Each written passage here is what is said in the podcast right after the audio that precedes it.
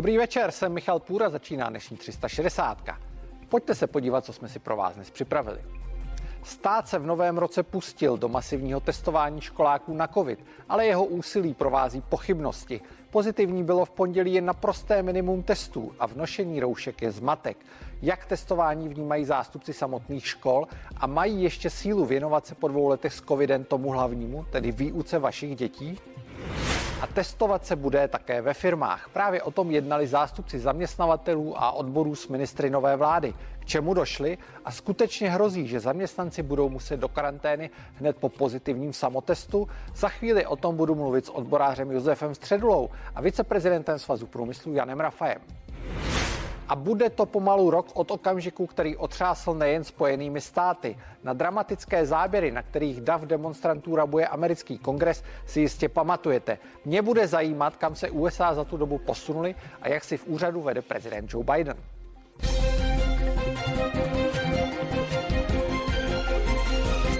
Zaměstnanci, kteří budou mít pozitivní samotest na COVID, by měli rovnou zamířit na pět dní do karantény bez potvrzovacího PCR testu. S takovým návrhem přichází ministerstvo zdravotnictví a už zítra by ho měla projednat vláda.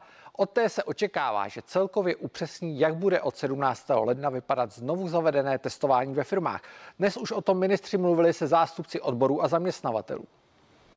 Návrat testování do firem dvakrát týdně je podle vládních stran nutností, hlavně s hrozbou šíření výrazně nakažlivější varianty Omikron. My potřebujeme zjistit, jaký typ viru a v jakém množství a u jaké skupiny lidí se vyskytuje. Takové to první depistážní vyšetření jistě poběží přes antigenní testy. Právě to ale kritizuje opoziční ANO. Současná vláda totiž prý ještě před několika měsíci jejich bývalý kabinet kritizovala, že ve firmách netestuje přesnější PCR metodou. Bylo nám to před volbami i slibováno, ale já bych chtěl připomenout, že my plánujeme testování milionů lidí eh, dvakrát týdně, což eh, jsme věděli a musela to vědět i eh, tehdejší opozice, že je to možné jedině pomocí antigenních testů. Testování vítají schodně zástupci zaměstnanců i zaměstnavatelé. Každý měl ale před dnešním jednáním s vládou své vlastní podněty a otázky. Jak budou hrazeny náklady? Do jaké míry antigenní testy zachytí nákazu Omikron? Jak budou náhrady zaměstnancům, například ošetřovné, například nemocenská, jak budou, jaké budou náhrady zaměstnavatelům v případě, že budou muset zavřít. Máme na dnešek zpracováno společné stanovisko Svazu průmyslu a dopravy hospodářské komory a Združení praktických lékařů o principech karantény, izolace, nahlašování, vůbec celé to organizační schéma. Právě možná úprava v systému karantén byla také jedním z témat dnešního jednání. Některé státy totiž v souvislosti s Omikronem už přistupují k jejich zkracování. Šimon Pilek, CNN Prima News. Předseda odboru Josef Středula a Jan Rafaj, prez, viceprezident Svazu průmyslu a dopravy, jsou mými hosty. Dobrý večer oběma. Hezký Dobrý večer. večer vám i televizním divákům. Pane Středulo, já začnu u vás. Eh, slyšeli jsme vás už v té reportáži. Eh, když se zeptám na výsledek toho jednání, jste s tím spokojen a myslíte si, že skutečně po tom 17. lednu vše proběhne bez problémů? Eh, byl bych rád, kdybych mohl to všechno říct, co jste se teď ptal, ale bohužel to nejde, protože my jsme neobdrželi žádný formální text, ze kterého bych mohl usoudit, zda všechny ty naše připomínky, které jsme my i zaměstnavatele vznesli, budou následně v rozhodnutí vlády zítra. Ale rád bych věřil, že ano, protože eh, těch věcí, které jsme tam zmínil, byla velká spousta. A řeknu hned to první, aby rozhodnutí vlády bylo trvalé, neboli aby nedošlo k tomu, že má právní pochybnosti a e, nejvyšší správní soud e, by případně takové rozhodnutí zrušil. Pokud by se taková situace nedbalá stala a my jsme společně se zaměstnavateli na to upozorňovali už i v minulosti, tak e, poté jakékoliv další opatření budou spochybňovány ještě dříve, než vejdou v platnost. To je první velmi důležitá věc. Další bylo potvrzeno, že dojde k proplácení testům všem zaměstnavatelům, včetně zaměstnanců státu. To považuji za důležité důležitou jistotu a věřím tomu, že k tomu také dojde a mělo by to být z fondu zábrany škod pojišťoven. tak stejně jsme požadovali, aby bylo jasno, o kolik dnů té karantény nové, pokud se k tomu vláda rozhodne, kdy začínají, ať nedojde k žádné pochybnosti, žádné spekulaci a že ta karanténa, karanténa je dostačující. Taktéž jsme požadovali, aby bylo e, zlepšen vztah pro ty, kteří se zodpovědně k tomu staví, to znamená pro ty, kteří mají už i třetí posilovací dávku.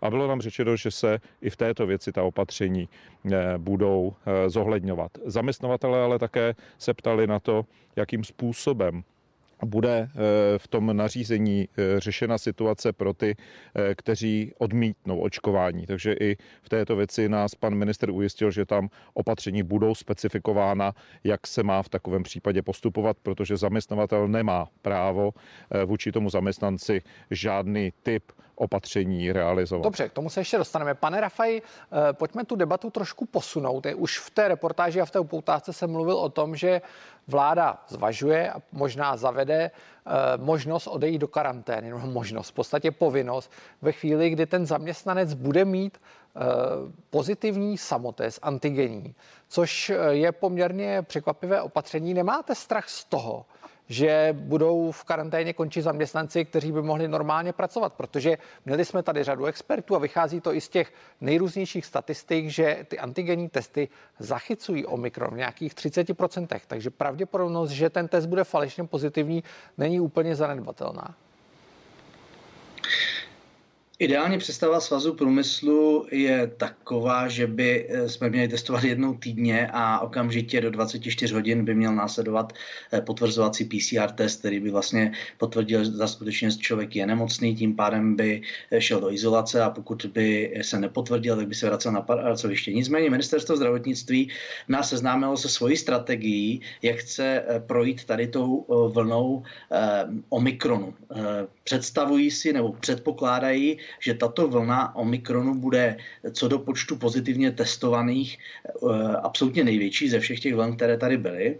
A z toho důvodu taky se objektivně domnívají, že nebude dostatek kapacit na potvrzovací testy, PCR testy. A mohlo by docházet k tomu, co jsme už zažili v listopadu a v prosinci, kdy naši zaměstnanci, kteří byli pozitivně testováni, Jenom připomínám, že v listopadu se povinně testovali eh, a v prosinci pouze neočkovaní zaměstnanci, to znamená, bylo jich výrazně méně tak eh, tihleti zaměstnanci uh, už tehdy čekali několik dnů, třeba pět dnů na potvrzovací samotest. To znamená, byli v jakémsi právním váku, kde, kde jsme vlastně nevěděli, jestli mohou být na pracovišti, nemohou být na pracovišti a jako um, zaměstnavatele, kteří jsme se snažili být zodpovědní, tak jsme stejně nechávali mimo, mimo pracovní režim. Tento režim, který navrhuje ministerstvo zdravotnictví, říká, ano, my předem říkáme, že pravděpodobně může nastat i přetížení kapacit PCR, tím pádem pojďme udělat to, že budeme hned od druhého dne vědět, v jakém režimu ten zaměstnanec se nachází, to znamená v tomto případě bude v karanténě. A pokud eh, si mezi tím ten zaměstnanec eh, a zaměstnavatel získá kapacitu pro protestování toho zaměstnance na PCR testu a pokud ten PCR test bude negativní, tak se může okamžitě vrátit do práce. Takže nepochybně celou tu situaci ovlivní eh, vývoj a masový vývoj kolem, kolem šíření Omikronu. A my samozřejmě bychom si přáli, abychom měli v práci co nejvíce lidí. Na druhé straně jako zaměstnavatele musíme zajistit bezinfekční prostředí, bezpečné prostředí, takže z tohoto eh, důvodu vítáme eh, diskuzi, kterou ministerstvo zdravotnictví s námi vede a uvědomujeme si, že jedna věc je naše ideální představa a druhá věc je realita. Pane Středulo, co, jaký je názor odborů na konkrétně tu izolaci po pozitivním samotestu? Tam se na to i z toho důvodu, že eh, pandemii tady máme dva roky a ne poprvé jsme v situaci, kdy eh, slyšíme, že nebudou, nebo nemusí, my to nevíme dneska jistě, nemusí stačit kapacity těch PCR testů, o čem se mluvilo i v posledních měsících eh, s nástupem té poslední vlny varianty Delta. Eh, my jsme i tuto otázku vznesli. Pan minister eh, nám sdělil, že se vydává eh, do Brna na jednání se subjektem, který má tu jinou velmi rychlou metodu a že chce dosáhnout kapacity PCR testování ve výši 600 tisíc testů denně, což odhaduje, že by mohlo být dobré a že by to mohlo pomoci situaci. Také nám sdělil, že hovořil se všemi subjekty, laboratořemi, které dělají testování, tak aby ty věci mohly skutečně proběhnout tak, aby byla ta celá poptávka uspokojena. To samozřejmě nebude vůbec jednoduché, proto ale jsou ta opatření i taková, že v případě pozitivity, tak aby zůstal ten zaměstnanec doma, bude, my jsme ale ještě upozornili na situaci v té části české ekonomiky, která zabezpečuje ty základní činnosti, to znamená, aby bylo řešeno i věci týkající se například výroby elektrické energie, zpracování vody, kanalizací, samozřejmě lékařská péče, sociální péče a výroba potravin, energetika, protože ty jsou rozhodující, aby se nám nestalo, že nám může někde být způsoben kolaps. A tak stejně jsme upozornili na to, že firmy eh, nemusí zastavit svou činnost jenom tím, že celá firma bude nemocná nebo významná část, ale mohou to být v mnoha případech i jednotlivci a eh, musíme také vzít v potaz, že ty firmy už jsou vyčerpané všemi těmi epidemiologickými opatřeními za ty dva roky a myslím si, že vláda v tomto by měla být eh, k subjektům v ekonomice, k zaměstnancům, k rodinám velmi vstřícná a přátelská a rád bych věřil, že to zítřejší rozhodnutí bude jednoznačné pro všechny. Pane Rafaj, viděli jste nějaké predikce? Ukazovali vám ministři nějaké predikce toho vývoje? Protože my vidíme, že ten vývoj v některých zemích eh, v západní Evropy nebo na západ od nás je víceméně stejný ve všech těch zemích, ať už v Nizozemsku, v Dánsku, v, ve Velké Británii. Eh, k těm kolapsům velkým zatím nedošlo, ale zejména ve Velké Británii vidět, že některé segmenty trhu, průmyslu eh, to skutečně omezuje. A omezuje je nikoli až tak samotná nemocnost, ale právě počet těch zaměstnanců v karanténě kdo je připraven, není zaskočen. To znamená, v tomto, v tomto smyslu my vítáme, že ministerstvo zdravotnictví řeší tu situaci dopředu a pokud samozřejmě celá situace potom bude mírnější, než se nyní předpokládá, tak se to dá poměrně rychle e, snížit. Ano, to, co tady zaznělo i od pana předsedy Středu, je e, to, co nás trápí nejvíce, to znamená riziko, že v jednu chvíli bude na karanténě nebo práce neschopných e, příliš velké množství. Proto jednáme s ministerstvem zdravotnictví i s ministerstvem průmyslu a hledáme řešení. Tenhle týden budou následovat ještě další schůzky a musíme připravit i určitý krizový scénář, který bude kopírovat trošku situaci, kterou jsme už zažili letos eh, nebo loni na jaře, například ve zdravotnictví. Tam si jenom pro připomenutí došlo k situaci eh, při té jedné z významných vln, kdy vlastně do práce chodili i pozitivně testovaní při určitých konkrétních eh, opatřeních bezpečnostních opatřeních, tak aby nemohli nakazit další kolegy, ale tak, aby neohrozili tehdy zdravotnictví. A tak, jak tady zaznělo už eh, od pana předsedy Středuly, přesně tak, eh, my si nemůžeme dovolit, aby ze dne na den přestali jezdit eh, vlaky, autobusy, přestala svítit elektřina a nebyly zajištěné obslužné činnosti jako doprava potravin, prodej potravin a podobně. To znamená, my budeme muset mít i alternativní scénáře, pokud budou kolem nás podobné vývoje, to, co, na co se odvolává právě ministerstvo zdravotnictví a na co jste se ptal, jako je třeba například v současné době eh, Velká Británie, Francie a nebo eh, zkušenosti z Dánska. Takže eh, my vidíme to, co se děje v těchto zemích a ještě do konce týdne bychom měli znát nějaké první krizové scénáře, které v prvé řadě musí ochránit, řekněme, určitý základní kostru toho našeho, naší ekonomiky, která zajišťuje každodenní chod života. Pane Středulo, pokud jde o očkování, nebo očkování, o testování očkovaných, zejména u té třetí dávky. Dlouho jsme slyšeli, že vláda k němu možná nepřistoupí, ale e, viděli jsme včera dokument ze zasedání toho centrálního řídícího týmu ministerstva zdravotnictví a tam se skutečně probíralo, že budou testováni i ti, kteří mají třetí dávku. E, jaký je ten verdikt a jak jste s ním spokojeni? Ten verdikt samozřejmě padne až zítra, ale eh, bylo jednoznačně řečeno, že testování bude u všech eh, s výjimkou zdravotnictví a, a to z toho důvodu, že tam samozřejmě zaměstnanci eh, jsou testováni v podstatě na počkání, respektive z titulu jednoznačné povinnosti a zajištění zdraví a života pacientů, kteří tam přijíždějí ale je taky velká otázka, jak ta vlna Omikronu může přijít. Vy jste se ptal i na predikce. My dostáváme a i touto cestou děkuji panu profesoru Duškovi za skutečně velmi skvělou práci, kterou odvádí a ty predikce nám dávají k dispozici v podstatě na denní bázi a musím říct, že to vypadá opravdu jako prudký růst do prudkého kopce a následně postupné snižování. Taková je jedna z těch možných predikcí.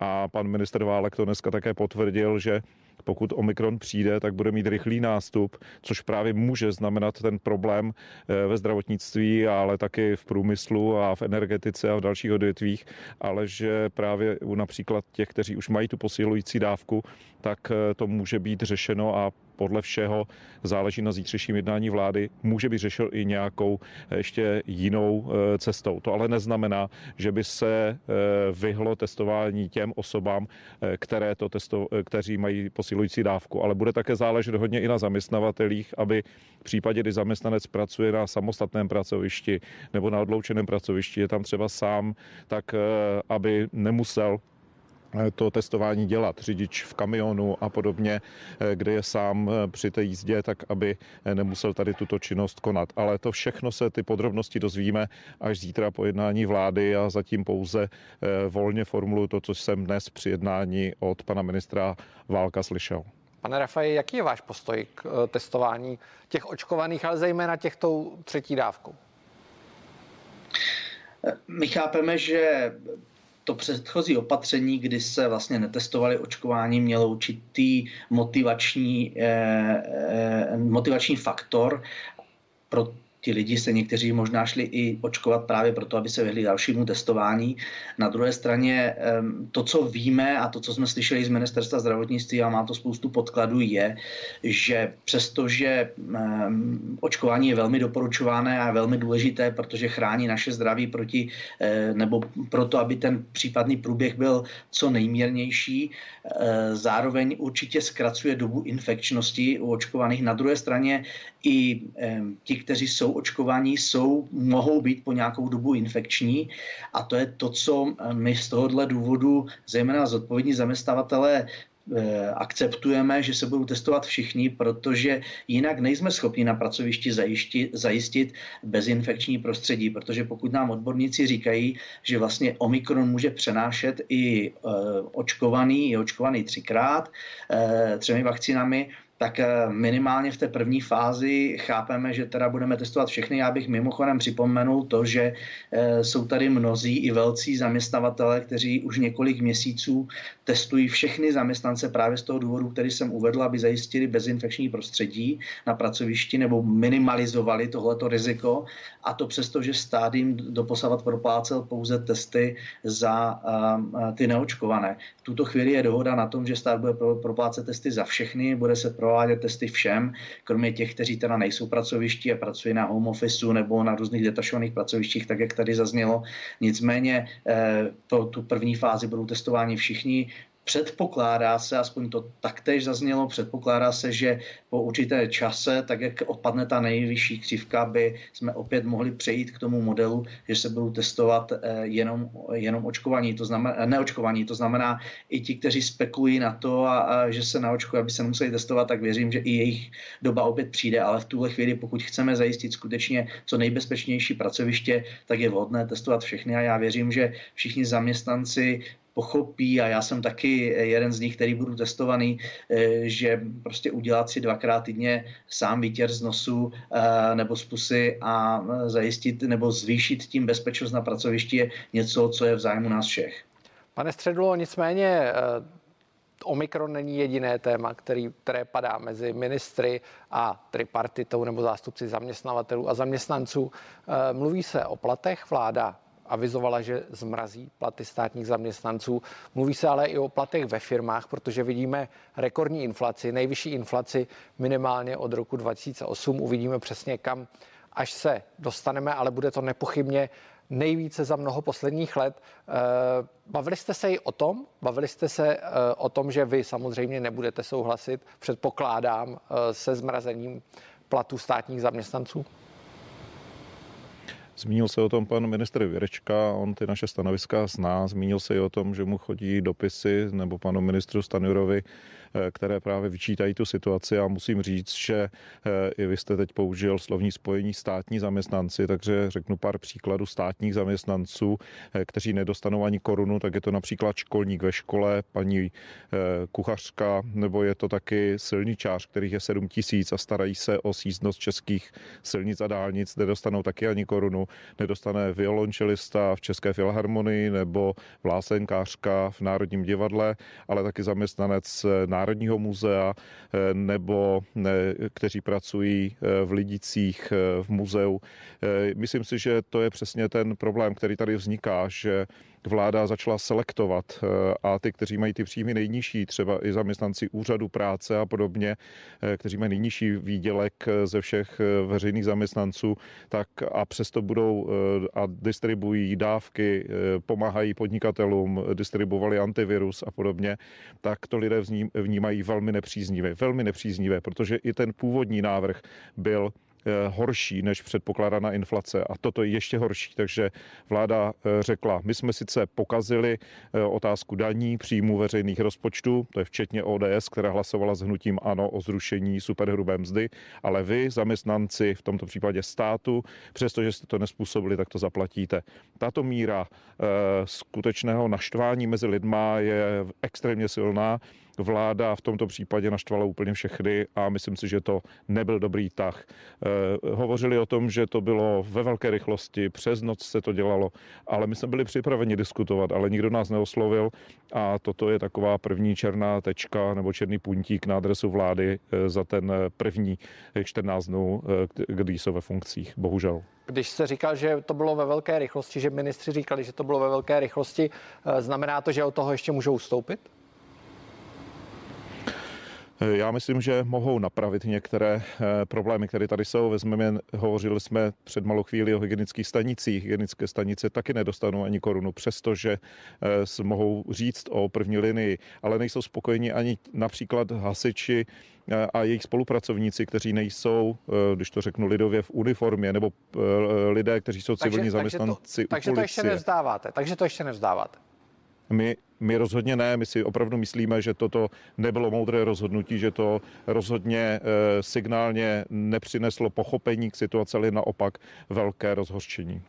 Pane Rafaj, jak vy jste připraveni jako zástupci zaměstnavatelů eh, na jednání o zvýšení mest? Vás se samozřejmě tento krok netýká, ale i vzhledem k té inflaci se dá očekávat, že odbory v jednotlivých firmách budou chtít nějaké podstatné navýšení, ale máme tu stále covid, ekonomika neoživuje tak rychle, jak jsme asi čekali.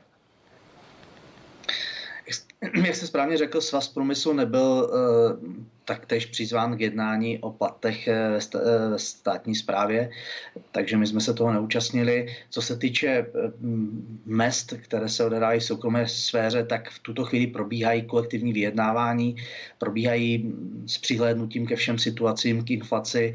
Většinou to, co slyšíme, tak se ta jednání pohybují někde mezi 4 až 6 procenty podle situace konkrétní firmy daného oboru a podobně, ale samozřejmě odráží to eh, vše kolem musíme si uvědomit, eh, my samozřejmě víme, že bude velmi těžká situace pro každého občana s ohledem na růst cen energií, na inflaci, která je tady. Nicméně úplně stejný dopad to takhle bude mít i na firmy, na některé i velmi, velmi tíživý. To znamená, my musíme najít způsob takový, abychom eh, udrželi v chodu firmy, aby ty firmy mohly dlouhodobě prosperovat, ale samozřejmě, aby i ty firmy si udržely své zaměstnance. Takže eh, to, co hraje i ve prospěch zaměstnanců, je obrovský nedostatek zaměstnanců zaměstnanců na trhu práce, eh, který způsobuje větší migraci zaměstnanců a tím pádem i tlak na mzdy, ale předpokládám, že eh, zaměstnavatele vše, vše tohle zreflektují a předpokládám, že ten růst se bude pohybovat někdy mezi, mezi 4 a 6% Já bych jenom připomenul, že stanovisko Svazu průmyslu dlouhodobě, ať už jsou to platy zaměstnanců eh, ve státní správě, ať už je to minimální mzda,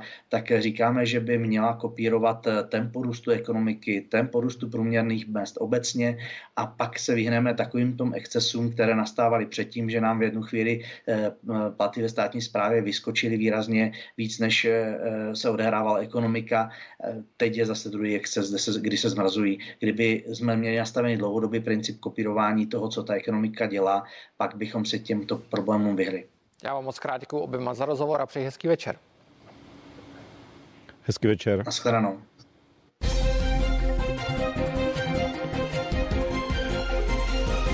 Po novém roce je ve školách rušno. Někteří ředitelé nemají v nových protikovidových opatřeních zcela jasno a ohledně nošení roušek panuje zmatek. Do toho pokračuje opakované testování dětí. Z pondělního milionu a 100 tisíc testů ale bylo pozitivních jen asi 3700, tedy 0,33 začátku ten text, to byl ten text takový úplně, úplně nejednoznačný. Jsme se prostě rozhodli pro to trochu přísnější opatření. Tím dětem dáme hned pro jistotu na to pondělí roušky. Asi je to eh, lepší jít tou přísnější cestou, než mám všechno prostudováno, než něco podcenit. A chodbě, když se testuje tak ve třídě, jo a i na záchodě. Jenom ve třídě ne. Jenomže v pondělí ještě mohly děti zůstat sedět v lavicích bez roušek. Školy se tak i v dalších týdnech musí popasovat s tím, že jiný režim platí v případě žáka pozitivního na koronavirus v pondělí a jiný ve čtvrtek. Pokud bude mít někdo z žáků ve čtvrtek pozitivní antigenní test na koronavirus, bude zbytek třídy i dál chodit do školy, ale čekají ho zvláštní opatření. Roušky po celou dobu výuky, testování každé ráno před začátkem školy, zrušení předmětů společných s jinou třídou, zákaz zpěvu a tělocviku. Když to dítě se vlastně s těma ostatníma nepotká, protože na testování přijde s rouškou, tak proč by ostatní měli ve škole sedět v rouškách? A to vlastně až do nějakého vyhodnocení PCR testu, takže ono eventuálně by to mohlo být třeba i dva, tři dny. Taková třída by měla obědvat u samostatného stolu a v jídelně a společných prostorách dodržovat rozestupy od ostatních žáků 1,5 metru. Když se potvrdí dítěti pozitivní PCR test, tak ta třída zůstává ve výuce a řeší to hygiena. Jednotný postup krajských hygienických stanic pro školy v případě, že koronavirus potvrdí u žáka i PCR test ministerstvo zdravotnictví nepředstavilo. Pavlína Fabiánová, CNN Prima News. Ve vysílání vítám prezidenta Asociace ředitelů základních škol Boše Zajíce. Dobrý večer. Dobrý večer i vám. Moje první otázka je, jak proběhlo podle vás to testování? Viděli jsme, že ten záchyt těch pozitivních testů, my nevíme, jestli jsou to skutečné případy covidu, protože ta falešná pozitivita může být poměrně velká. Jak to podle vás proběhlo? Řekl bych, že to proběhlo víceméně standardním způsobem, tak jako ty předchozí testy. To, že tam byla nižší pozitivita, bylo asi do určité míry způsobeno i tím, že předcházely vánoční prázdniny, které na určitou dobu vlastně omezili ty kontakty mezi žáky. Nemůže to být uh, také tím, protože já už jsem se na to ptal zástupců zaměstnanců a zaměstnavatelů tím, že experti varují, že v případě Omikronu uh, ty antigenní testy zachytí tu, ten vir ve zhruba 30% případů a 70% nikoliv. Nemůže to být tím, že tam je nejen poměrně vysoká falešná pozitivita, co jsme viděli v těch uplynulých měsících, ale může tam být také poměrně vysoká falešná negativita. Tak samozřejmě eh, to musí posoudit odborníci, protože eh, otázkou je, co ten Omikron vlastně provádí či neprovádí, to my určitě neposoudíme. Ale eh, co se týče těch testů, tak samozřejmě je to jedna z možností, jak vlastně provést ty záchyty. Druhou z možností je to, že se objevují nějaké příznaky, které mohou predikovat to, že žák je Eh, pozitivní a pak teda eh, se eh, ten žák dostává k PCR testu mimo to samotné testování.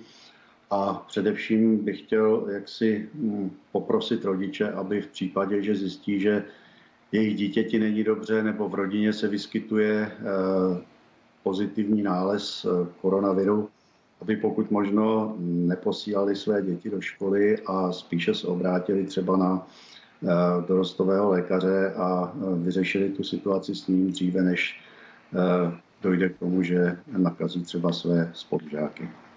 My jsme viděli a v reportáži už to zaznělo, že některé školy v pondělí dali žákům roušky i do škol. Někteří ty ředitelé, se kterými jsme během dne mluvili, říkali, že prostě ty pokyny, které dostali z ministerstva, jim přišly poměrně nejasné a přišly hodně pozdě. Dostali je někdy v nočních hodinách do, do datové schránky a prostě už nestihli Eh, proskoumat je natolik, aby byli schopni vyložit naprosto spolehlivě, tak se rozhodli udělat to přísnější opatření, což považovali za lepší variantu. A viděli jsme i jednu z radních Prahy 6, že o tom mluvila také. Eh, bylo to skutečně tak, že ty pokyny přišly pozdě a v podstatě se nezměnila ta situace, která panovala v uplynulých měsících? No, bohužel je pravda, že ty pokyny skutečně dorazily až eh, na přelomu roku a ještě tedy v době, kdy byly vlastně vánoční prázdniny, takže eh, ředitelé měli poměrně málo času na to, aby to nějakým způsobem zpracovali a především, aby to eh, probrali se svými pedagogy. Takže tam, kde si nebyli ředitele jistí, tak rozhodně neudělali nic špatného, pokud přijali opatření poněkud přísnější. Pokud se podíváme na ta samotná opatření, tak stejně i tak v reportáži zaznělo, že eh, někdy to dává poněkud, nebo jsou minimálně matoucí ve chvíli, kdy celá třída může několik dní sedět v rouškách během výuky, přestože ten žák, který byl pozitivně testovaný, už vlastně dávno odešel, odešel úplně na začátku výuky a přesto ta třída nadále sedí v rouškách a nemusí tam být žádný jiný pozitivní test. Připadá vám to jako práv, správné opatření? Eh, ono je to tam rozděleno, je to rozděleno vlastně na pondělní a čtvrteční testování. U toho pondělního testování tam se předpokládá, že vlastně dva dny předtím, to znamená víkend, žáci nebyli pohromadě. U toho čtvrtečního testování, kdy potom nastupuje ten systém testu stay, tak eh, tam vlastně se předpokládá, že žák, který eh, je pozitivní, byl se svými spolužáky i v těch předcházejících dnech, čili na základě toho jsou tam nastavena ta opatření. Samozřejmě ta otázka, která rodiče asi zajímá nejvíc, byť eh, je nám jasné, že nemůžete asi úplně jasně odpovědět, eh, je váš odhad, jak to bude dále vypadat. Dočkáme se normální v úvozovkách školní docházky nebo může přijít nějaká varianta v úvozovkách chřipkových, tady v tom případě covidových prázdnin?